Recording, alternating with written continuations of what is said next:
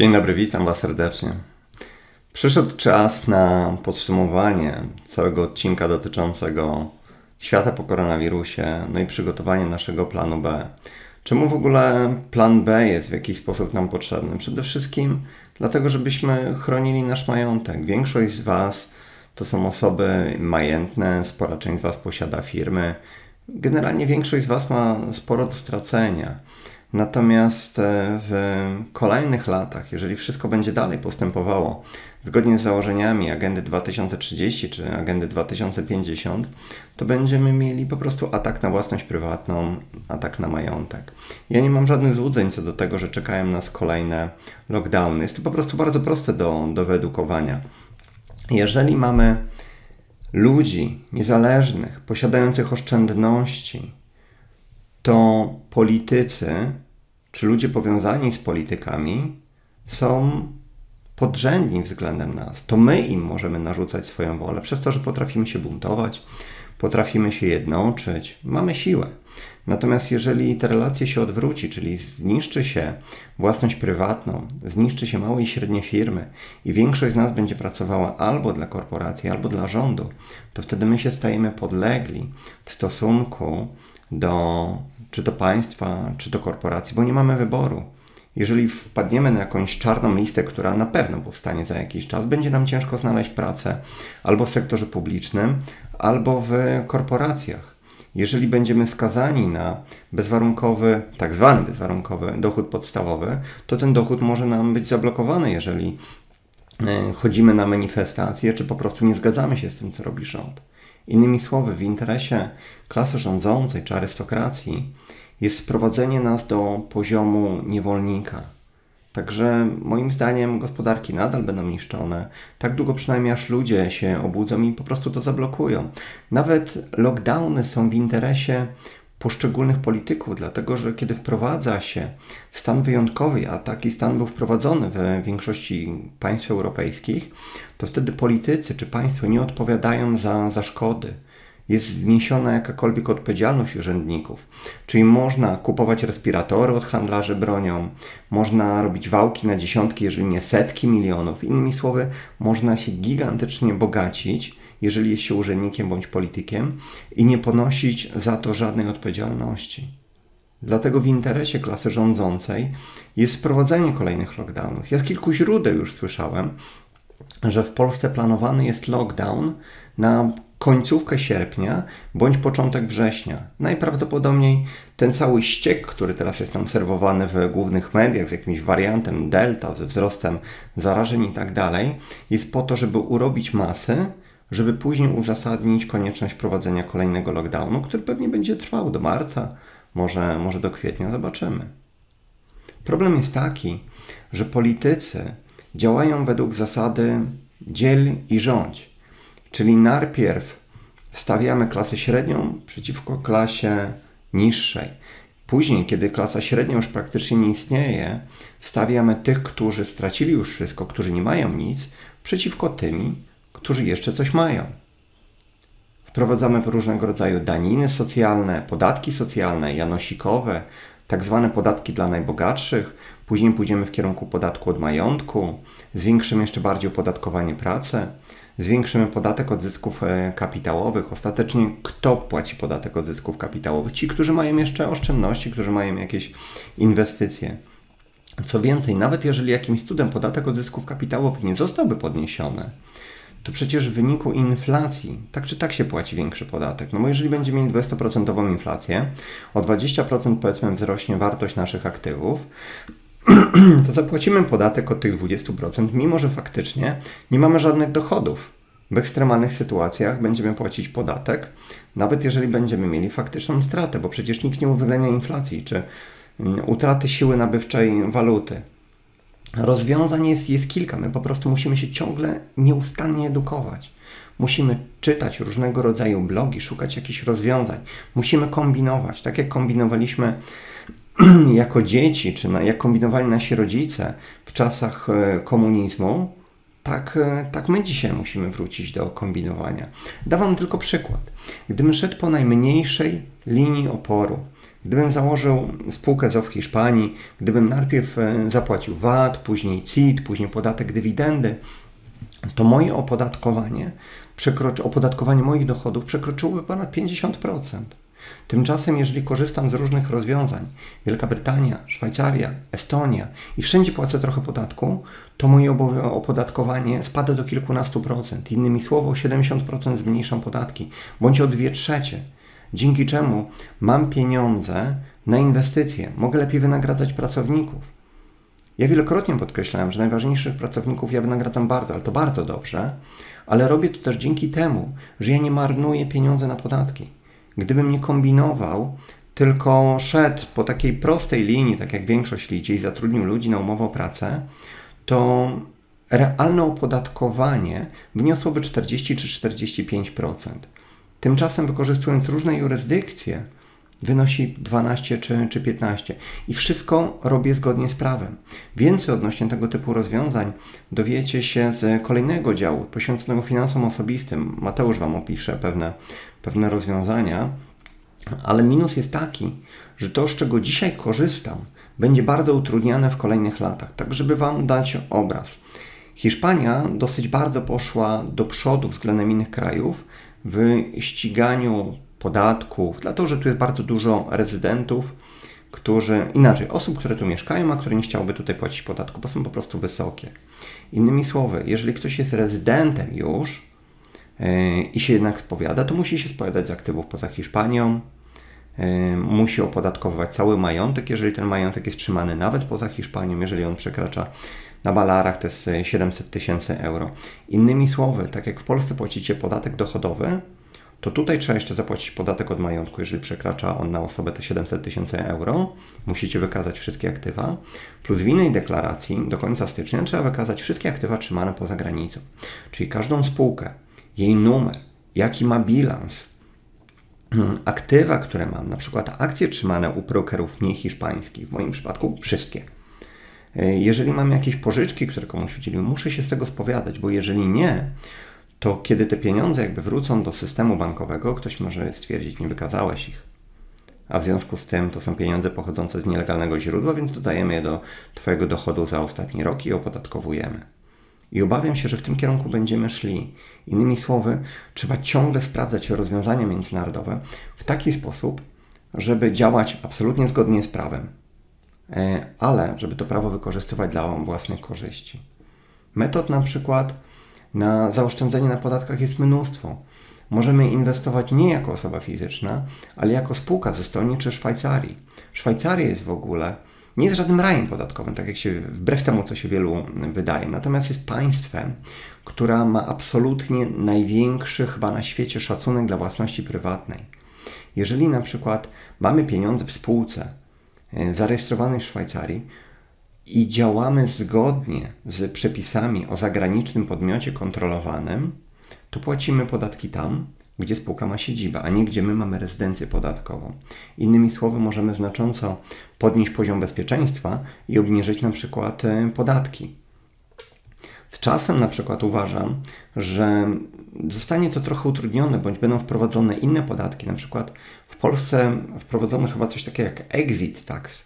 Nie wiem, czy to na pewno nie, nie obowiązywało wtedy, kiedy ja już się przeniosłem do Hiszpanii, ale wiem, że tego typu podatki raczej będą wprowadzane. Czyli jeżeli ktoś mieszka w takim typowym piekle podatkowym i przenosi się do innego kraju ze swoim majątkiem, to musi zapłacić jakiś podatek przez to, że przestaje być rezydentem danego kraju. Myślę, że w Hiszpanii tego typu podatek jest mało prawdopodobny, czyli gdyby kiedyś w Hiszpanii naprawdę się wszystko zrypało i przenosiłbym się do innego kraju, może do Szwajcarii, to mnie raczej tego typu podatek nie będzie dotyczył, dlatego że tutaj jest zbyt dużo rezydentów. Obywateli? Tak. Rezydentów?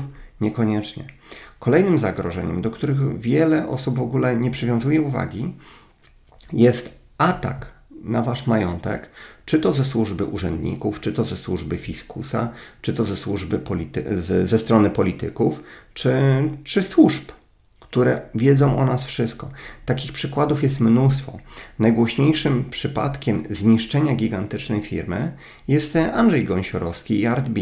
Akurat ze względu na pewną sytuację znam bardzo dobrze ten case. W mediach było to przedstawione jako największa afera, wyłudzenie pieniędzy z systemu bankowego. Bzdura jedna wielka.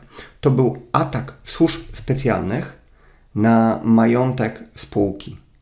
Politycy, sędziowie, prokuratorzy, urzędnicy rzucili się na majątek spółki, która bardzo szybko powstawała w latach 90.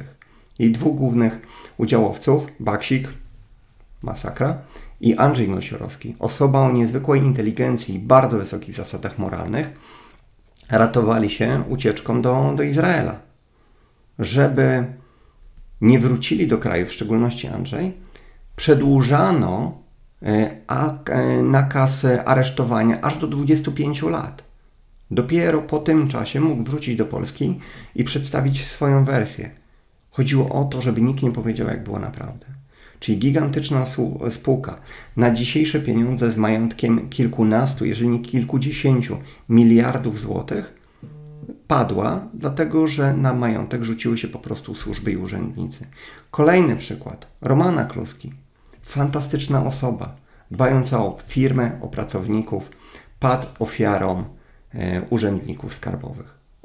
Dosyć ciekawy model dywersyfikacji. Kiedyś opisywał Cynik 7, o ile się nie mylę, autor bloga 2 grosze i newslettera Nuggets. Ja nie pamiętam dokładnie, jaki był jego model, bo wydaje mi się, że składał się z pięciu filarów. Pamiętam tylko cztery. W, jednym, z jednego kraju mamy paszport, czyli obywatelstwo. W innym kraju mieszkamy i płacimy podatki. Jest to nasza rezydencja podatkowa. Spółki nasze mamy jeszcze zarejestrowane w innych krajach których mamy prawo wyjątkowo sprzyjające spółkom patch niski CIT bądź odroczony w czasie. Jeszcze w innych e, krajach mamy konta na przykład dla naszych e, spółek bądź nasze konta prywatne i w jeszcze innych na przykład mamy aktywa. Dzięki czemu nawet w trudnej sytuacji ciężko jest czy to służbom, czy to jakimś dziwnym organom, które chciałby nam zaszkodzić, przejąć e, większość naszych aktywów. Czy innymi słowy, im z większej ilości jurysdykcji korzystamy, tym nasz majątek jest bezpieczniejszy. Ja na przykład dobrze się wpisuję w, tą, w ten model, dlatego że mam polskie obywatelstwo, mam hiszpańską rezydencję podatkową, mam spółki w kilku krajach, Wielka Brytania, Estonia, Szwajcaria, nadal mam trochę udział w spółce z Singapuru, ale od tego, tego się odcinam. Mam konta w różnych krajach.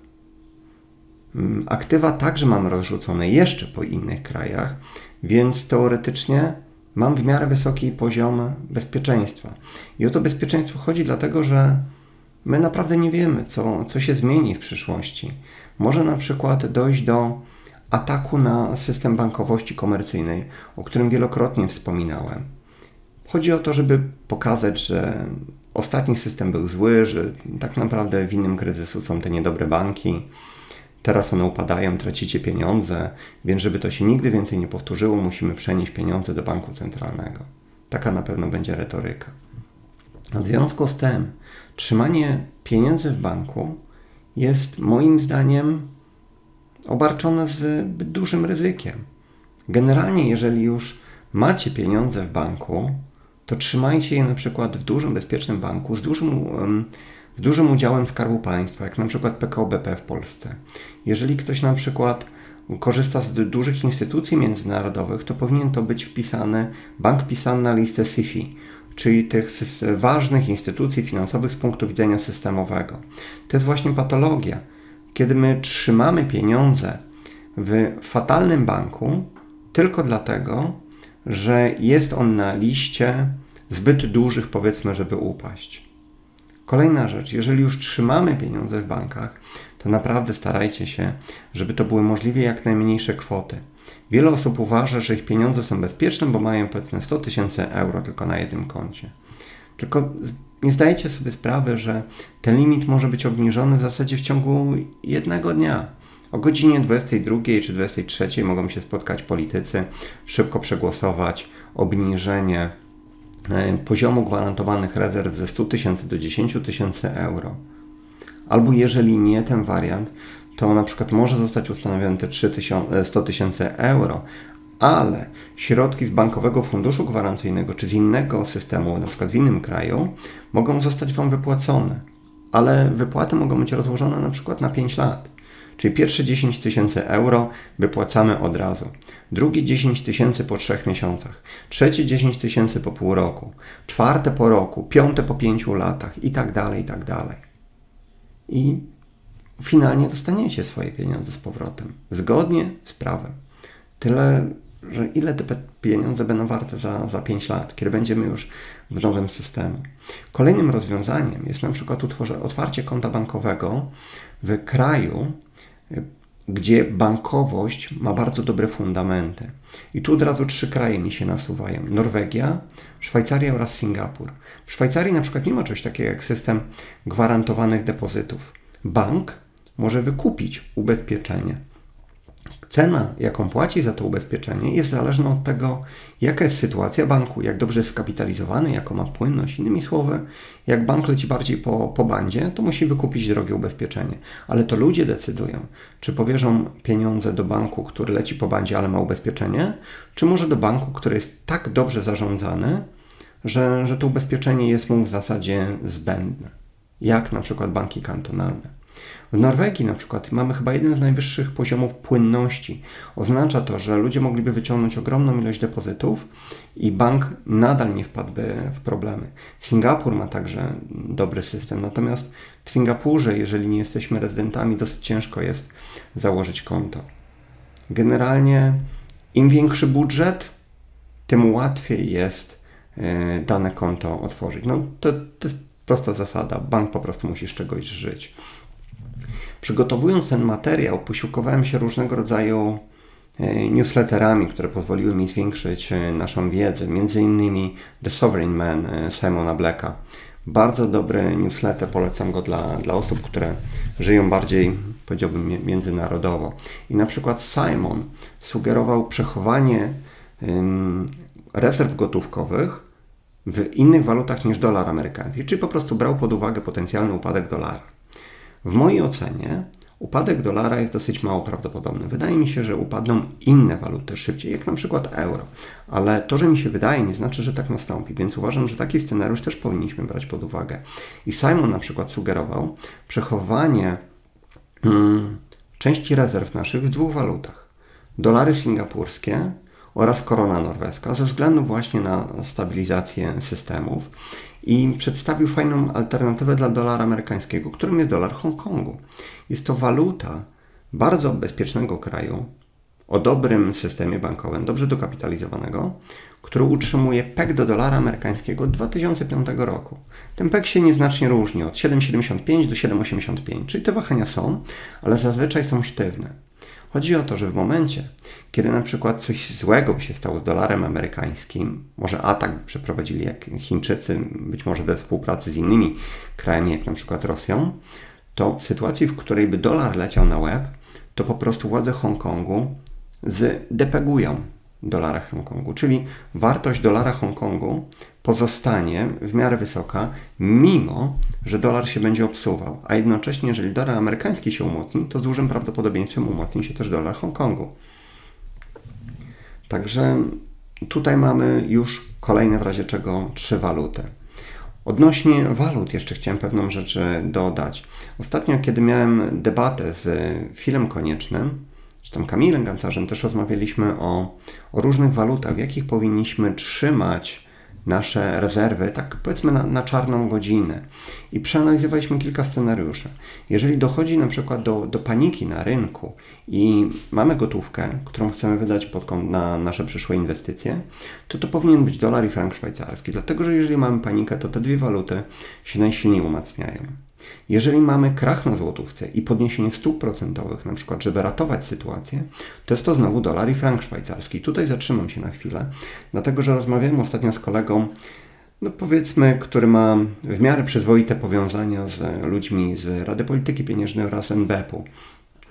I szacowali, że gdyby doszło do kolejnego dużego lockdownu, w wyniku której doszłoby też do globalnej paniki, to potencjał do osłabienia się złotówki wynosi 30%.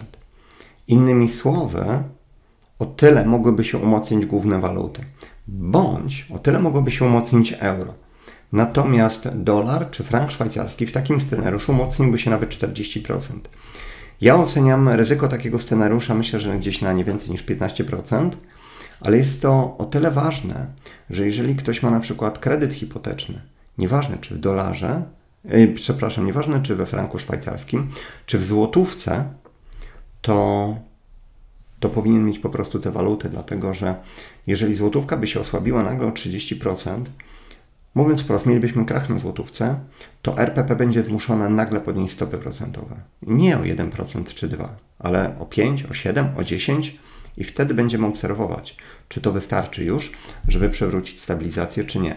A jeżeli ktoś ma kredyt na przykład e, hipoteczny, to wie, a przynajmniej po tym kursie powinien wiedzieć, do jakich poziomów mogą mu wzrosnąć raty, jeżeli WIBOR wzrośnie z niemalże 0 do, do 10%. Jeszcze w innym scenariuszu powinniśmy, jeszcze w innym scenariuszu, czyli przykładowo hosty na rynkach finansowych, powinniśmy mieć inne waluty. Dlatego, że jeżeli mamy hostce, to automatycznie nam tanieje dolar i frank szwajcarski. I wtedy przydają się waluty surowcowe, jak rubel, jak real brazylijski, bądź po prostu polska złotówka. Chodzi o sytuację, w której nagle potrzebujemy mm, pieniędzy, których no, na nieprzewidziany wydatek, nie wiem, dochodzi do jakiejś operacji, mamy wypadek i nagle potrzebujemy dużo po prostu kapitału, bądź na przykład pojawiła się jakaś okazja na, na rynku, nie wiem, nieruchomość, ale w otoczeniu stabilnym. W takiej sytuacji złotówka bądź, bądź wspomniane wcześniej waluty surowcowe. Wracając jeszcze na chwilę do, do kont e, zagranicznych. Czym innym jest posiadanie konta jako osoba fizyczna, czym innym jest posiadanie konta na spółkę. Jeżeli na przykład mamy w Polsce firmę i tylko i wyłącznie konto w Polsce, to jesteśmy bez, w zasadzie bezbronni w przypadku ataku ze strony Urzędu Skarbowego. Wystarczy, że Urząd Skarbowy podejrzewa nas o wyłudzenie VAT-u, a podejrzewać masz może o wszystko. No, nie zapłaciliśmy jakiegoś, nie wiem, jakiejś faktury, mamy jakąś zaległość. Tu nie chodzi o udowodnienie winy. Nie chodzi o to, czy jesteśmy winni. Chodzi o to, czy urzędnik subiektywnie podejrzewa nas o wyłudzenie VAT-u. Ja mogę podejrzewać w tym momencie wszystkich moich kursantów o wyłudzenie VAT-u albo o niepłacenie podatków. I to jest moja subiektywna opinia. W każdym razie, jeżeli Urząd Skarbowy podejrzewa nas o wyłudzenie, a w zasadzie firmę, która ma siedzibę w Polsce, to na 72 godziny może zablokować konto. Co gorsza, te 72 godziny to jest tylko teoria, bo w praktyce 72 godziny może zostać zamienione na 3 miesiące. Wspominam o tym, dlatego że w mediach jest ostatnio wyciszana sytuacja, w której Właściciel polskiej dużej firmy dostał propozycję nie do odrzucenia od służb, za którym stali wysoko postawieni politycy. Zapłać nam e, półtora miliona euro i będziesz miał święty spokój. Jak nie, to cię rozwalimy. I człowiek poszedł siedzieć do aresztu półtora roku. Dopiero niedawno wyszedł. Pokazuje, że są możliwe takie sytuacje. Gdyby na przykład jego spółka miała konto za granicą, to te pieniądze byłyby nietykalne z punktu widzenia ustawy o STIR. A właśnie na bazie tej ustawy można zablokować komuś konto na 3 miesiące. Więc jeżeli nie macie stuprocentowego zaufania do polskiej administracji, a chyba nie ma takiej osoby, która ma stuprocentowe zaufanie, to warto mieć konto zagraniczne jako pewną alternatywę. W przypadku konta na osobę fizyczną, gdy jeżeli ktoś ma jakieś zaległości, to wszystko jest zależne od tego, czy, czy zaległości są duże, czy nie. Jeżeli są zaległości małe, no to nikt nie będzie nas ścigał po kontach zagranicznych. Jeżeli są to zaległości duże, bądź Urząd Skarbowy, bądź służby mają rzeczywiście w interesie na ściganie, to jesteśmy bezbronni. Dlatego, że zakładając takie konto, musimy od razu po, powiedzieć, kto jest ostatecznym beneficjentem konta. Jeżeli jesteśmy my, to natychmiast cała administracja w ramach Unii mm, Europejskiej będzie o tym wiedziała. Jeżeli na przykład zakładamy konto zagraniczne, to dostajemy pytanie, jaki masz związek z naszym krajem? Jeżeli zakładamy konto, na którym nie będziemy mieli dużych środków, to warto mieć sensowne uzasadnienie. Na przykład praca, chcemy otworzyć e, firmę. Wtedy warto jest po prostu w danym kraju wynająć jakiś mikroapartament, za który będziemy naprawdę mało płacić. Ważne, żeby mieć podkładkę, umowę i adres i założyć na przykład działalność gospodarczą. Tylko na chwilę. Rachunek będziemy mieli założony i w tym momencie już możemy w jakiś sposób dywersyfikować nasze oszczędności, jeżeli koniecznie chcemy je trzymać w banku. Jeżeli chcemy na przykład założyć rachunek czy to w Liechtensteinie, Luksemburgu, czy, czy w którymś z kantonów Szwajcarii, no to potrzebujemy po prostu dużych, e, dużych kwot. W przypadku osoby zazwyczaj jest to pół miliona franków. W przypadku firmy jest to milion franków.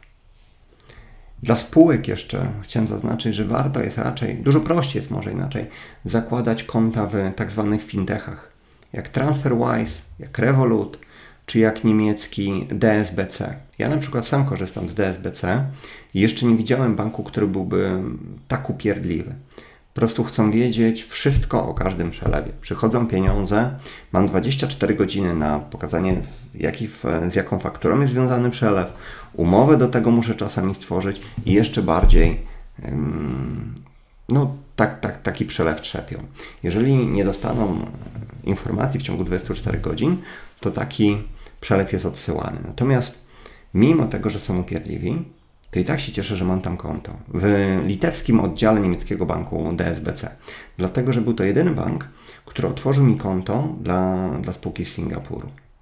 Także fintechy są, powiedziałbym, pewnym rozwiązaniem. Jeżeli chcemy chronić też nasz majątek, to możemy wykorzystać do tego kryptowaluta, konkretnie stablecoiny. Kiedyś miałem klienta, nie wnikam. Winny, niewinny. W każdym razie służby kilku krajów się na niego rzuciły ze względu na rodzaj działalności, jakiś prowadził. Nie był to oczywiście handel bronią, handel ludźmi, narkotykami, czy, czy żadna tego typu działalność. Było to coś, co ewidentnie utrudniało pracę służbom inwigilacyjnym. W każdym razie przeprowadzono na niego atak stracił cały majątek, który miał, a w zasadzie nie stracił, został zablokowany pewnie na kolejne 10 lat. Majątek firm, w których miał udziały, gdzie był on ostatecznym beneficjentem, majątek prywatny, no bo przecież mm, smutni panowie wparowali do niego e, nad ranem, więc ewentualny metal, który miał też w domu, został zabezpieczony. Została mu jedna rzecz: stablecoiny na ledgerze. To jest coś, co jest niesamowicie trudne w przypadku ataku na Waszą własność. Możecie mieć przykładowo stablecoiny na, na dolary bądź, bądź na inne waluty. Ja w stablecoinach mocno nie siedzę, ale przypuszczam, że za pół roku będziemy mieli stablecoiny do większości najważniejszych walut, więc wtedy na przykład stablecoin do franka szwajcarskiego myślę, że jest jakimś sensownym rozwiązaniem. Jest przede wszystkim rozwiązaniem, które podnosi nam bardzo poziom e, bezpieczeństwa. Stablecoina w razie czego możemy pożyczyć naszej spółce, nowo otwartej spółce, po tym jak już się wygrzebiemy z problemów, bądź możemy go zamienić na gotówkę. Jest mnóstwo kantorów, na przykład należących do Flying Atom, gdzie możemy się udać z ledgerem, przekażemy im kryptowalutę w stablecoinach na przykład, bądź bitcoinach, jakąkolwiek i w zamian za to otrzymamy gotówkę pomniejszoną o chyba 3 4%. No jest to kolejne jakieś rozwiązanie. Dosyć ważne jest też trzymanie pieniędzy na kontach brokerskich, ale tu jeszcze raz Wam przypominam, nie możemy trzymać całego majątku bądź zbyt dużej części majątku u jednego brokera. To, że dzisiaj jest dobrze, nie znaczy, że zawsze będzie dobrze. Omawiałem Wam już przykład AAG Private Banking z Zurichu. To było miękkie bankructwo, ale naprawdę nie chciałbym przeżyć twardego bankructwa, więc rozrzucajcie te, te środki. Tak jak Wam opisywałem, Exante, DIV, do polskich akcji może to być XTB, do zakupu akcji, ale już nie ETF-ów, może posłużyć jeszcze Interactive Brokers. No, im, większe, Im większe macie środki, tym większą dywersyfikację po prostu powinniście stosować. Bardzo uważałbym też na aktywa materialne, zwłaszcza na trzymane w obrębie jednego kraju, jak na przykład Kuba Midel. Dla mnie jest to zbyt duże uzależnienie się od dwóch aktywów: od nieruchomości, aktywów źle powiedziałem, od nieruchomości i od polskiej jurysdykcji. Bo Kuba ma właśnie większość majątku w nieruchomościach, czymś na czym się super zna Natomiast, jak dla mnie jest to troszkę zbyt duże ryzyko. Po pierwsze, mamy jedno aktywum, które jeżeli przyjdzie jakieś zamieszanie, możemy mieć, możemy mieć problem. No bo wyobraźcie sobie, że rząd przeprowadza atak na posiadacze zbyt dużej ilości nieruchomości i idziemy w wariant grecki. Czyli wprowadzamy podatek katastralny. Od pierwszej nieruchomości minimalny, od drugiej dwukrotnie większy. Niech to będzie przykładowo od pierwszej, niech to będzie powiedzmy 1 promil, niewyczuwalny. Od drugiej będzie to powiedzmy już 1%, od trzeciej będą to 3%, od czwartej będzie to 4%. Czy uderzamy w ludzi, którzy mają dwie bądź więcej nieruchomości? A co jeżeli ktoś ma 15? Mało kto ma. Ile może ma 15? Ile osób ma 15 nieruchomości? Jeden na tysiąc w Polsce? To nie jest znowu elektorat e, partii. A tego typu ruchy będą no, z uśmiechem przyjęte przez osoby, które, które nie mają. No, podatkujemy ci, tych, którzy mają najwięcej nieruchomości, oni je na pewno ukradli. A ciemny lud to kupi. Co jeżeli na przykład doszłoby do jakiegoś konfliktu i ceny nieruchomości załamałyby się o 70 czy 80% i nie będzie jednocześnie żadnej płynności? Ja mam ciągle w głowie case Ukrainy, na której spędziłem sporo czasu w 2015 roku. Jak tam jechałem ze znajomymi, no to pytali się mnie, czy, czy kamizelkę kulotporną trzeba kupić. No, kazałem się po prostu popukać w głowie w Kijowie, w którym byłem, nic się nie działo. Było bardzo bezpiecznie, poza tym, że wszędzie było widać ludzi, którzy próbują naprawdę zarobić jakiekolwiek pieniądze na, na życie, na zasadzie kawy ktoś na ulicy sprzedawał z kawiarki w otwartym bagażniku samochodu za, za grosze. To pokazywało tragiczną sytuację gospodarczą kraju. Ceny nieruchomości w tamtym czasie spadły między 70 a 80%, mimo że w Kijowie się nic nie działo. Konflikt mieliśmy w Donbasie, 500 km dalej. To tak jakby przykładowo z Rosjanami doszło do jakiejś zadymy w regionie kaliningradzkim. To nie dotyczy, nie będzie dotyczyło 99% terenu Polski, ale przełoży się na 100% Polaków, bo ucieknie kapitał, bo nagle złotówka straci 40 czy 50% siły nabywczej. Żeby ratować sytuację, RPP drastycznie podniesie stopy procentowe. Także starajcie się jakoś ten majątek dywersyfikować. To samo na przykład dotyczy złota. Mimo, że delegalizacja złota jest skrajnie mało prawdopodobna, to nie jest niemożliwe.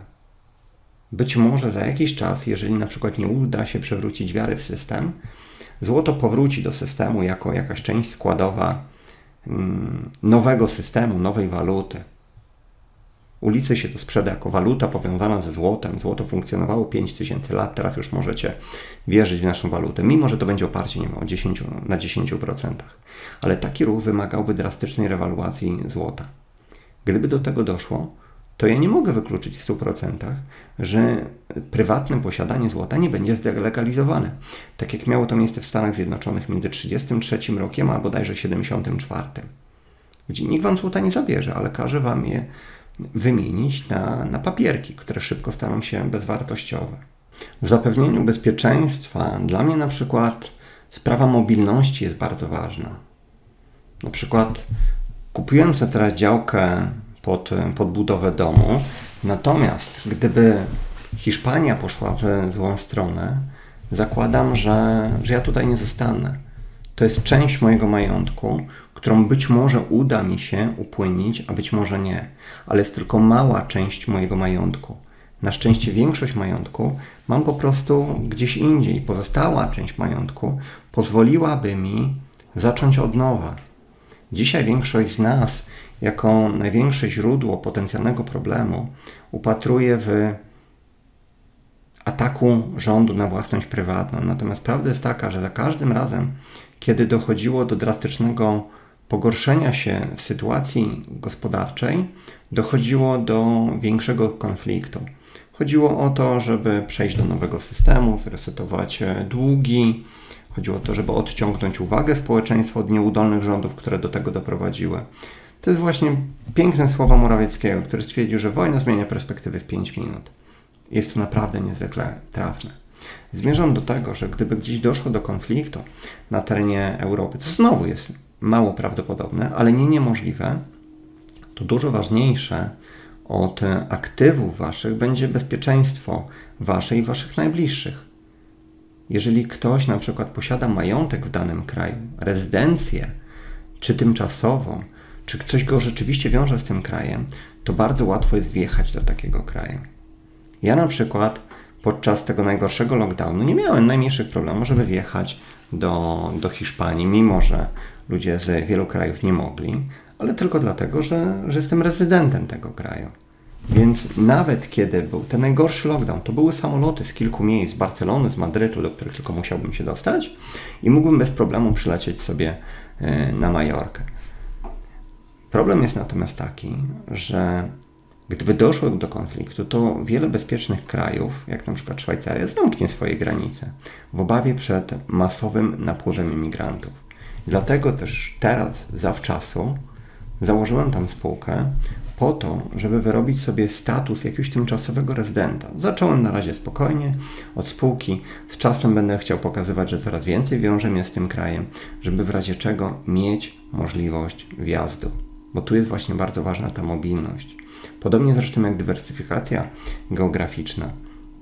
Na przykład złoto i srebro. Ja trzymam część w Szwajcarii, część w Austrii, Część trzymam w Polsce, czyli kraju, którego mam paszport, część trzymam w Hiszpanii, w której mieszkam. Chodzi o pełną dywersyfikację. Macie do tego Das Safe, macie Lumis.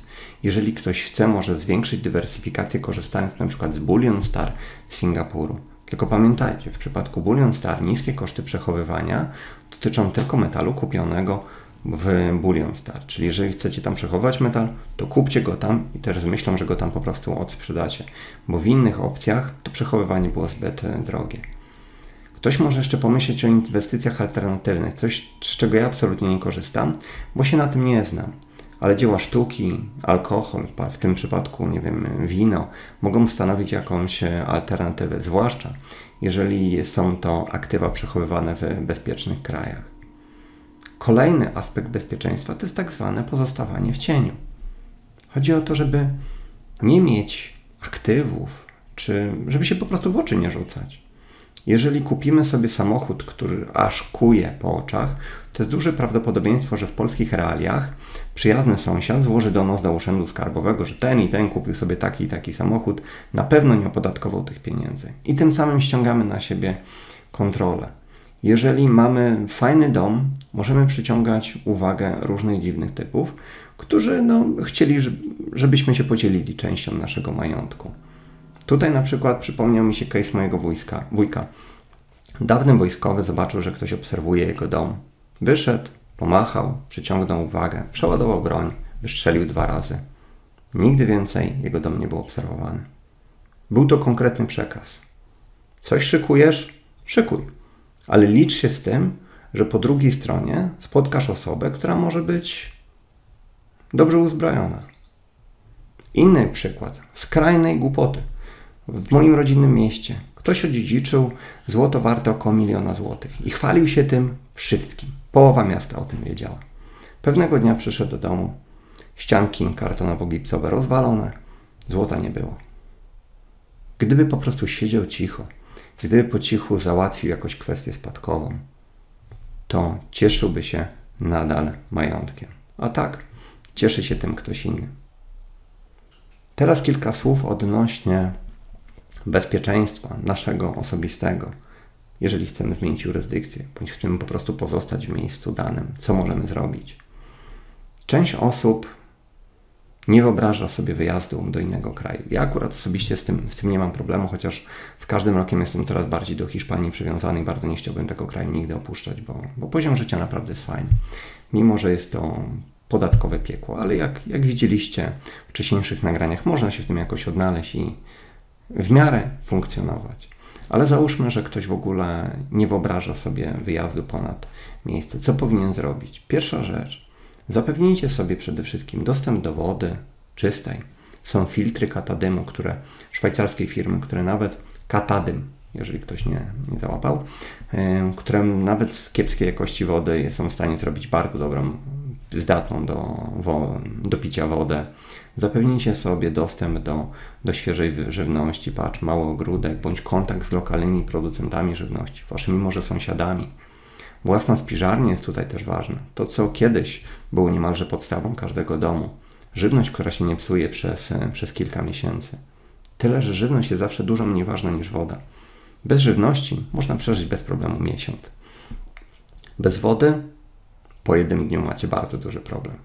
Kolejna bardzo ważna rzecz. Dobre relacje z sąsiadami. W razie jakichś problemów broń palna, którą jest bardzo ciężko e, w Polsce pozyskać, ale nie jest to niemożliwe, i ewentualnie broń biała. Nie chodzi o to, żeby komuś zrobić krzywdę, ale chodzi o wzbudzenie strachu u potencjalnego e, agresora. Jeżeli trzymacie w ręku maczetę, to jest skrajnie mało prawdopodobne, że ktoś będzie próbował konfrontacji z wami.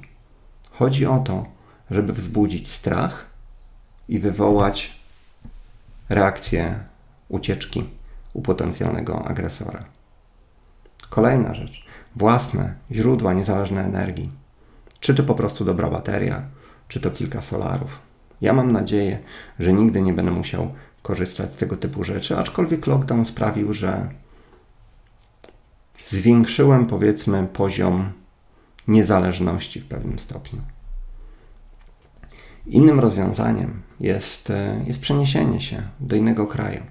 I tutaj od razu trzeba zaznaczyć, nie ma kraju idealnego. Każdy z nas jest inny, dla każdego z nas są ważne inne rzeczy, ale jest kilka aspektów, które musimy wziąć pod uwagę. Pierwszym z nich jest klimat, drugim są na przykład podatki oraz poszanowanie własności prywatnej, stabilność systemu e, bankowego, Trzeci, ważna rzecz, jak, jak zareagowano na pandemię, dlatego że to, co się działo przez ostatni rok, może być wyznacznikiem tego, co się będzie działo w kolejnych latach. Czy na przykład chcemy żyć w kulturze anglosaskiej, czy latynoska dla nas jest ok, czy może w azjatyckiej się też odnajdujemy. Ja się odnajduję tylko w latynoskiej bądź anglosaskiej. Kompletnie nie odnajduję się w kulturze azjatyckiej. Czy, czy chcemy iść w kierunku kraju, w którym mamy muzea, kina, które jest nastawione na taką szeroko pojętą kulturę, czy nam nie jest to potrzebne? Czy jaki jest język lokalny? Czy jest w miarę prosty i jesteśmy w stanie się go nauczyć, bądź czy jesteśmy w stanie przez pierwsze trzy miesiące posługiwać się językiem e, angielskim? Czy natura jest dla nas ważna? Jakość jedzenia, jakość wody, czystość powietrza, czy może edukacja i opieka medyczna są na pierwszym miejscu? Czy, czy kraj, który bierzemy pod uwagę, jest bezpieczny? Innymi słowy, czy jest duże rozwarstwienie społeczne? Bo czym innym jest na przykład Kostaryka, gdzie mamy niesamowicie szeroką klasę średnią, a czym innym jest Brazylia, gdzie mamy 10% bardzo bogatych ludzi, 30-40% klasy średniej i bardzo szeroką klasę niską. Innymi słowy, bezpiecznie czujecie się tylko w waszych zamkniętych osiedlach. Są miejsca, fawele, do których się po prostu nie wjeżdża. Ja na przykład w takim kraju nie chciałbym żyć. Teraz tak, pierwszy punkt. Pozytywna reakcja na pandemię. I tutaj mieliśmy niesamowicie szeroki przedział. W Kanadzie oraz w Australii, dwóch krajach, które do tej pory były uznawane za oazę spokoju, władze pokazały swoje prawdziwe oblicze. Totalny zamordyzm, przy którym wymienka trzecia Rzesza. Dla odmiany inne kraje takie jak Finlandia, Meksyk, Nikaragua, Rosja czy Szwecja, Tanzania na przykład z Afryki, pokazała, że podejście do COVID-u mieli no, trochę bardziej hardkorowe niż, niż do ciężkiej grypy. I o to chodzi. Poziom bezpieczeństwa, niski poziom przestępczości. Z europejskich krajów królują na przykład Islandia, Malta. Bardzo wysoki poziom bezpieczeństwa mamy w Singapurze oraz Japonii. W Japonii nie chciałbym mieszkać ze względu na zbyt duże zagęszczenie ludzi. I, no i stary po prostu kraj. Malta dla mnie jest za mała. Singapur kiedyś było fajnie. Dzisiaj pewnie też byłoby fajnie, ale, ale mam po prostu swoją Majorkę. W Islandii na przykład ja nie potrafiłbym mieszkać ze względu na zbyt zimny klimat. W Emiratach Arabskich jeszcze jest bardzo bezpiecznie, ale kultura Emiratów mnie po prostu odstrasza. Tak samo ja nie lubię mieszkać na pustyni. Wolę mieć naturę i, i zieleń wkoło siebie. Natomiast bezpieczeństwo dla mnie nie jest jakieś, nie wiem, specjalnie dużym problemem. Kultura. We Francji mamy bardzo bogate życie kulturalne. W Wielkiej Brytanii. Z drugiej strony życie zgodnie z naturą mamy niemalże we wszystkich krajach basenu Morza Śródziemnego, w szczególności na, na wyspach. Na Majorce pod tym względem jest cudownie. W Chorwacji jest super. W południowych Niemczech jest ok. Szwajcaria jest na przykład przepiękna. Kostaryka, w której spędziłem kilka miesięcy, jest dla mnie absolutnym numerem jeden. Podobnie Panama. Skandynawia jest w porządku. Także tu pytanie, czy ważna jest dla nas natura, czy życie jakby w zgodzie z naturą, czy, czy może to życie kulturalne, bo pewnych rzeczy nie, nie połączymy ze sobą. Dla wielu osób starszych bardzo ważna jest kwestia opieki medycznej. Dla mnie to w zasadzie nie ma znaczenia, ponieważ ja nie korzystam w ogóle z szeroko pojętej opieki medycznej. Natomiast w Hiszpanii jest ona rzekomo na bardzo wysokim poziomie, zwłaszcza publiczna służba zdrowia. Jeżeli cokolwiek Wam się stanie, macie poważny zabieg do, do przeprowadzenia czy operację, to nikt tu nie idzie do prywatnej kliniki, dlatego że najlepsi lekarze i najlepszy sprzęt jest w państwowych szpitalach. Problem jest natomiast taki, że w państwowych szpitalach nie ma naturopatii. Może inaczej, cały proces leczenia ogranicza się do farmakologii, co jak dla mnie przy wielu schorzeniach jest, jest skaza, skazane na, na porażkę. W Singapurze opieka medyczna jest na, na bardzo wysokim poziomie. W Tajlandii, swoją drogą Tajlandia, powiedziałbym, że jest jednym chyba z głównych celi e, turystyki medycznej. Innymi słowy, Tajlandia wyspecjalizowała się w turystyce medycznej. Jeżeli chcecie przeprowadzić różnego rodzaju mniej bądź bardziej skomplikowane operacje, to w Tajlandii możecie to zrobić tanio i na bardzo wysokim poziomie. Opieka medyczna na Kostaryce jest też na, na bardzo wysokim poziomie, mimo że jest to kraj powiedzmy średnio rozwinięty. Natomiast w Kostaryce e, bardzo rozwinięta jest i nowoczesna medycyna, na zasadzie komórki macierzystej i ich odpowiednie przeszczepy, e, o jak i naturopatia. I dla mnie tamta medycyna chyba jest, jest wzorem, mimo że no nie poznałem jej jakoś specjalnie mocno. Ale no niemalże hiszpańskiej medycyny też nie poznałem, mimo że już mieszkam tutaj od, od tylu lat. Żywność jest dla mnie czymś, czymś bardzo ważnym. Czyli to, czy, czy dany kraj e, produkuje żywność GMO, czy jest dopuszczona, czy, czy na przykład nie w jaki sposób e, żywność jest uprawiana. Czy w naturalny sposób, tak jak na przykład na Kostaryce, gdzie większość kraju jest pokryte ziemią wulkaniczną, która sprawia, że żywność zawiera ogromną ilość e, witamin, minerałów, rośnie w pełnym stopniu, mamy kilkanaście stref klimatycznych, czy może w innych krajach. Ja nigdy na przykład nie jadłem tak dobrej żywności jak w, jak w Kostaryce. Niczym niezwykłym są ludzie, którzy mają 120 lat. W regionie, w którym ja mieszkałem, Guancaste, na, przy, po stronie Pacyfiku, przy granicy z Nikaraguą, yy, spotkałem kilka osób w wieku stu kilkunastu lat i oni się naprawdę dobrze trzymali. Dobrze wyglądali, umysł, co ważne, mieli, mieli sprawny w tym wieku. Dlatego, że jakość wody, jakość powietrza i żywność była na najwyższym poziomie. Nie dlatego, że ktoś przy niej genetycznie majstrował, tylko dlatego, że była to w pełni naturalna żywność, uprawiana na bardzo wartościowej w minerały glebie. Urugwaj też jest takim krajem. Polska na przykład jest krajem, która jeszcze do niedawna miała bardzo dobrą, jak na europejskie standardy, żywność. Ważne jest też to, czy na przykład dany kraj może zaspokoić popyt wewnętrzny na, na żywność. To, co na przykład mi się w Szwajcarii bardzo podoba, to jest to, że idę do restauracji, zamawiam sobie, nie wiem, mięso, czy dostaję menu i widzę na przykład kilka rodzajów wołowiny.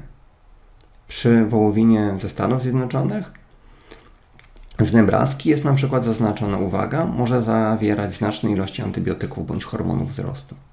I to są detale, ale dla mnie te detale są bardzo ważne bo ja nie chcę faszerować się antybiotykami, które rozbiją moją florę bakteryjną, albo nie chcę przyjmować sztucznych hormonów. I w Szwajcarii na przykład bardzo duży nacisk położono na to, żeby ta żywność była po prostu w miarę czysta od chemikaliów, antybiotyków czy różnych dziwnych e, dodatków. Język jest bardzo ważny. Mamy w Europie taki miks języków, że no z jednego końca do, do drugiego. Włoski czy hiszpański jest stosunkowo łatwy do nauki, na pewno dużo łatwiejszy niż litewski czy, czy węgierski.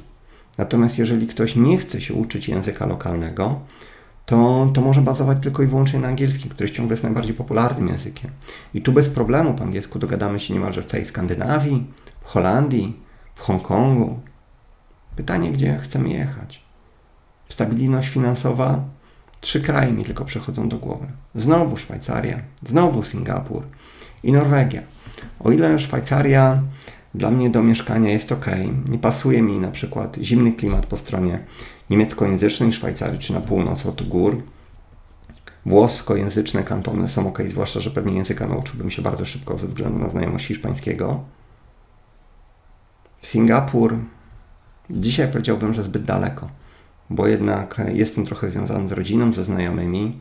W Norwegii na przykład nie, nie wyobrażam sobie kompletnie mieszkania ze względu na zbyt dużą ilość dni deszczowych, no i generalnie zimno, a ja lubię słońce. W zależności od tego, jaka jest nasza sytuacja finansowa, system podatkowy czy wysokość podatków może mieć mniejsze bądź, bądź większe znaczenie. I system podatkowy w zależności od różnych krajów może się naprawdę bardzo różnić. Jeżeli bierzemy na przykład pod uwagę podatek dochodowy do osób prawnych, w Bułgarii mamy ryczałt 10%, w Estonii teoretycznie mamy 20% podatek, ale Podatek płaci się dopiero w momencie wypłaty dywidendy, czyli tak długo jak pieniądze nasze są reinwestowane, pomnażane, czyli niemalże mamy wehikuł inwestycyjny, tak, tak długo nie płaci się żadnego podatku. W Gruzji jest bardzo podany podatek do Estonii, tylko jest, jest w Estonii estońska wersja podatku e, dochodowego, ale przy jeszcze niższej stawce. Czarnogórze mamy 9% podatek dochodowy. W Rumunii także mamy jedno, jeden z niższych e, podatków w Europie. W Emiratach Arabskich na przykład nie ma podatku do osób prawnych, nie ma podatku dochodowego do osób fizycznych, czy podatku y, około wynagrodzeniowego, tak jak mamy, mamy w Polsce ZUS, czy podatek dochodowy do osób fizycznych. Jeżeli na przykład chcemy w ogóle nie płacić podatków, no to Bahamy są pewnym rozwiązaniem, dlatego że spoza oby, dla wszystkich osób spoza Stanów Zjednoczonych mamy zerowy podatek dochodowy od osób prawnych i fizycznych. Problem jest taki, że na Bahamach 90% z Was by się po prostu zanudziła, bo odsetek osób starszych jest chyba jeszcze większy niż na, niż na Florydzie. W Emiratach Arabskich nie ma na przykład podatku dochodowego ani podatku od spadków. W Izraelu są bardzo liczne usługi podatkowe dla osób, które właśnie się tam przeprowadziły. Natomiast ze względu na przyszłość Izraela, ja absolutnie nie chciałbym nawet tam na chwilę jechać. Urugwaj jest dobrym krajem. Jeżeli na przykład nie jesteśmy rezydentem podatkowym, to nie płacimy w ogóle podatków. A jeśli się nim stajniemy, to możemy aplikować o zwolnienie z podatku na przykład na 11 lat, bądź możemy się z rządem umówić na podatek liniowy 7%. I to też pokazuje, że w kraju niby są formalnie podatki, ale kraj chce przyciągnąć dodatkowe dochody, w związku z czym oferuje nam abolicję podatkową. Swoją drogą na Cyprze jest coś podobnego. Dla stałych rezydentów czy obywateli jest normalnie podatek od zysków kapitałowych. Natomiast ktoś, kto się przenosi na Cypr, staje się nowym rezydentem podatkowym, może aplikować o zwolnienie z podatku od zysków kapitałowych dla nowych rezydentów, tak zwany Special Defense Contribution Tax, CDC. Dzięki czemu chyba, o ile dobrze pamiętam, przez 17 lat nie będziemy płacili podatku od odsetek, od dochodów kapitałowych czy od dywidend. Dla osób, które na przykład mają spółki w Estonii z bardzo dużym kapitałem, czy w innych krajach, które chcą polikwidować, jest to bardzo fajne rozwiązanie. Tajlandia też ma dosyć ciekawy system. Mianowicie płaci się podatek od dochodu wygenerowanego w Tajlandii oraz majątku przyciągniętego do Tajlandii. Więc jeżeli nasz dochód jest generowany poza Tajlandią, bo mamy klientów spoza Tajlandii, to nie płacimy podatku dochodowego. Analogicznie, nie przelewając zbyt dużych pieniędzy do Tajlandii, nie płacimy też podatku od majątku. Jeżeli koniecznie ktoś chce coś kupić, no to prze, przeleje sobie, nie wiem, 150 czy 200 tysięcy dolarów i za co kupi sobie dom fantastycznej e, jakości i może sobie żyć, więc te podatki tak naprawdę w Tajlandii są, są na bardzo niskim poziomie. Kolejnym dosyć istotnym elementem jest rezydencja zagraniczna, czyli coś, co pozwala nam w razie problemów przenieść się do danego kraju. I tak jak powiedziałem, tutaj nie ma kraju idealnego. Dla mnie Meksyk jest jedną wielką niewiadomą, dlatego że nie byłem w tym, w tym kraju. Wiem, że w dużych miastach jest niebezpiecznie. Podobnie zresztą jak, jak w Brazylii, w Kostaryce też jest niebezpiecznie. W najgorszych dzielnicach dużych, dużych miast, ale niekoniecznie chciałbym tam mieszkać. Tak samo jak w Polsce nie chciałbym mieszkać w dużym mieście. Czy, czy w Hiszpanii mieszkam w bardzo małym mieście. W każdym razie, gdyby ktoś chciał mieć jakiś możliwość w razie czego ewakuowania się na drugi koniec świata, to w miarę łatwo można uzyskać rezydenturę meksykańską, która pozwala na wjazd do, do Meksyku. Ważne, żebyśmy mieli sal na, na, na koncie w banku więcej niż ekwiwalent 28 tysięcy dolarów, bądź żebyśmy udowodnili, że mamy dochód po opodatkowaniu większy niż 1700 dolarów miesięcznie, bądź jeżeli jest rodzina, to 700 dolarów na, na osobę. Możemy też iść w kierunku kupienia nieruchomości za nie mniej niż 230 tysięcy dolarów amerykańskich i tutaj nawet konsulat może zmienić te, te kryteria. Ważne jest, że dzięki temu dostajemy pobyt e, tymczasowy, który bodajże po trzech latach możemy zmienić na, na stały pobyt. Czyli dzięki relatywnie małej inwestycji możemy uzyskać prawo do tymczasowego trzyletniego pobytu bądź stałego pobytu. Jak zwykle diabeł tkwi w szczegółach, więc nawet nie będę tutaj się zagłębiał, bo tego typu opcji jest, jest mnóstwo. Kolejną jest na przykład e, Brazylia. Możemy kupić nieruchomość w tym kraju za nie mniej niż 200 tysięcy dolarów, bądź możemy zainwestować firmę brazylijską co najmniej 100 tysięcy dolarów. Czyli otwieracie tam firmę o kapitale 110 tysięcy dolarów i jako udziałowiec spłacacie konkretną kwotę. Bądź możecie inną firmę wykupić za co najmniej 120 tysięcy dolarów. Bądź, jeżeli ktoś nie dysponuje taką kwotą, możecie założyć firmę, która będzie działać w technologii, w dziedzinie technologii, innowacji bądź badań naukowych za jedyne 30 tysięcy dolarów. Jeżeli udowodnicie, że działacie rzeczywiście w tej dziedzinie, a wasi klienci będą, załóżmy, absolutnie spoza Brazylii, co jest łatwiejsze do udowodnienia, to możecie bardzo szybko uzyskać e, zezwolenie na pobyt na pierwsze dwa lata. I co ciekawe, że nie trzeba spędzić w Brazylii ani jednego dnia. Wystarczy, żeby pod koniec tego czasu przyjechać na krótki okres i podnieść, zmienić status z, ze statusu tymczasowego na, na pobyt stały. Z czasem można uzyskać w miarę łatwo brazylijski paszport, który umożliwia podróżowanie bez wizy po wszystkich krajach Ameryki Południowej. Kanada jest też, a przynajmniej jeszcze do niedawna, była w miarę fajny, fajnym krajem pod, pod alternatywną rezydencję. Generalnie, jeżeli ktoś posiada wykształcenie wyższe, jest no po prostu wartościowym obywatelem, tak to nazwijmy, ma dobre doświadczenie zawodowe, biegle posługuje się językiem angielskim bądź francuskim w zależności od, od prowincji, to jest bardzo duże prawdopodobieństwo, że bez najmniejszych problemów dostaniecie legalną rezydencję. Po zatwierdzeniu wniosku uzyskujecie natychmiast prawo do stałego popytu. Do Kanady nie trzeba się przeprowadzać po tym, jak zostaje się stałym rezydentem. Można pojawić się w kraju na kilka dni, zakończyć proces stałego pobytu, a następnie wrócić do naszego kraju, czy kraju, w którym byliście wcześniej, i mieć jakąś alternatywę. Z czasem stały pobyt, e, przepraszam, tymczasowy pobyt może się zmienić na, na stały pobyt i tak dalej. Tu nie wchodzę w szczegóły, bo, bo takich krajów jest, jest mnóstwo.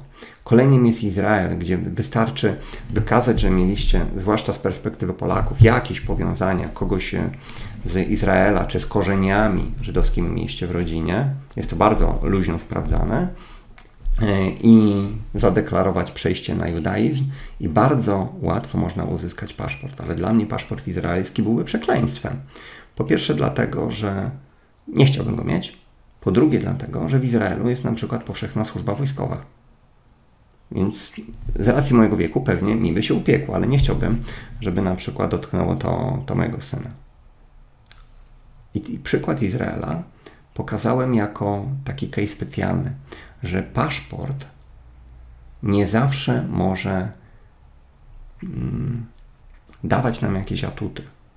Czasami wiążą się z tym obowiązki. I tak jak na przykład obowiązek służby wojskowej uważam, że jest bardzo dużym problemem. Dlatego też no, tego paszportu absolutnie bym nie chciał. Są też jeszcze jakieś różne alternatywy, które pojawiają się co chwilę. Na przykład małe państwa żyjące, czy wysepki żyjące z turystyki, próbują przyciągnąć do siebie ludzi z kapitałem, żeby nakręcić gospodarkę. Bali na przykład, jedna z wysp, z 17 tysięcy wysp Indonezji, bądź z 1,5 tysiąca wysp zamieszkałych, planuje zwolnienie z podatku i pięcioletniej wizy dla pracujących cudzoziemców, dla pracujących zdalnie. Czyli zarabiaj sobie za granicą, nie płać u nas żadnych podatków, ale bądź mieszkaj u nas. Dlatego, że mieszkając u nas, wynajmiesz mieszkanie, wynajmiesz dom, pójdziesz do restauracji, do sklepu i dzięki temu będziemy mieli chociażby dochody jakiejś z VAT-u. I tego typu pomysły pojawiają się coraz częściej w różnych miejscach. Tylko Bali jest dla mnie jedną z najbardziej przereklamowanych miejsc, w którym kiedykolwiek byłem, a parę miesięcy spędziłem w Indonezji. Wiele osób też uważa, że jeżeli na przykład kupi sobie katamaran czy trimaran i będzie permanentnie podróżować, czyli w żadnym kraju nie będzie dłużej niż 6 miesięcy, to nie ma nigdzie rezydentury, bo ciężko jest ustalić rezydentury. Tak to wygląda tylko w teorii. Nawet jeżeli będziemy się poruszać po wodach międzynarodowych, to faktycznie będziemy musieli zapłacić podatek. Dlatego, że jeżeli na przykład nie przebywamy w żadnym kraju 6 miesięcy, to patrzymy drugi punkt, gdzie jest nasze centrum życiowe, czyli gdzie mamy chociażby rodzinę. Jeżeli nie mamy nigdzie rodziny, co jest mało prawdopodobne, ale możliwe, to patrzymy, gdzie mamy paszport. I w tym kraju, nawet jeżeli poruszamy się non-stop po wodach międzynarodowych, musimy niestety płacić podatki. Jak nie będziemy płacili, będziemy mieli po prostu problem. Także rezydencja podatkowa jest dużo ważniejsza od paszportu. Podatki płacimy zawsze tam, gdzie mamy rezydencję. Odnośnie rezydencji podatkowych, Mateusz Wam opowie dużo, dużo więcej niż, niż ja, natomiast chciałbym Wam zwrócić jeszcze na koniec uwagę na to, jak ważna jest rezydencja. Znam przykład jednego Włocha, który miał całą rodzinę, wychował się blisko granicy pomiędzy Włochami a, a szwajcarskim kantonem Ticino. Płacił bardzo duże podatki. W pewnym momencie, formalnie przeprowadził się do Szwajcarii. Kupił nieruchomość, kupił samochód, ale faktycznie nadal przebywał w Szwajcarii, e, we Włoszech. Ze względu na to, że był to łakomy kąsek, e, Włosi przeprowadzili inspekcję podatkową. No i okazało się, że komórka logowała się głównie we Włoszech. Kartą przypisaną do prywatnego konta płacono głównie we Włoszech. Mandaty pochodziły z włoskich fotoradarów. I okazało się, że po czterech latach udowodniono człowiekowi, który miał płacić podatki, a w zasadzie już ich nie płacić, bo po prostu wkupił się pewną dużą darowizną w szwajcarski system, nakazano zapłatę we Włoszech wszystkich podatków wraz z karą oraz odsetkami. Także uważajcie na ten case. Jeszcze raz. Wykorzystujmy prawo, a nie łamy. Prawo może być naprawdę bardzo zmienne w zależności od okoliczności. Dla kogoś, kto się urodził na Cyprze, mieszka całe życie na Cyprze, kogoś, kto się przeprowadził tam 10 lat temu, jest podatek od zysków kapitałowych. Ale jeżeli będzie nowa osoba, która się będzie tam przenosić, może skorzystać ze szczególnego zwolnienia. I takich przypadków są setki. Ale nie jestem w stanie w tym kursie przeanalizować każdego przypadku dla Was, dlatego że kraj, który będzie dla mnie idealny, będzie absolutnie nie do przyjęcia dla Was. Tak jak wcześniej pokazałem, jest mnóstwo kryteriów, które kraj powinien spełnić, żeby nam akurat odpowiadał. Ale coś, że to, że mi coś odpowiada, nie znaczy, że będzie Wam odpowiadał. Także musicie niestety, ale sami dokonać bardzo rzeczkowej analizy. Natomiast myślę, że na bazie tych czynników, które Wam pokazałem, jesteście w stanie już ocenić, które czynniki rzeczywiście są dla Was ważne. Dziękuję Wam bardzo za uwagę.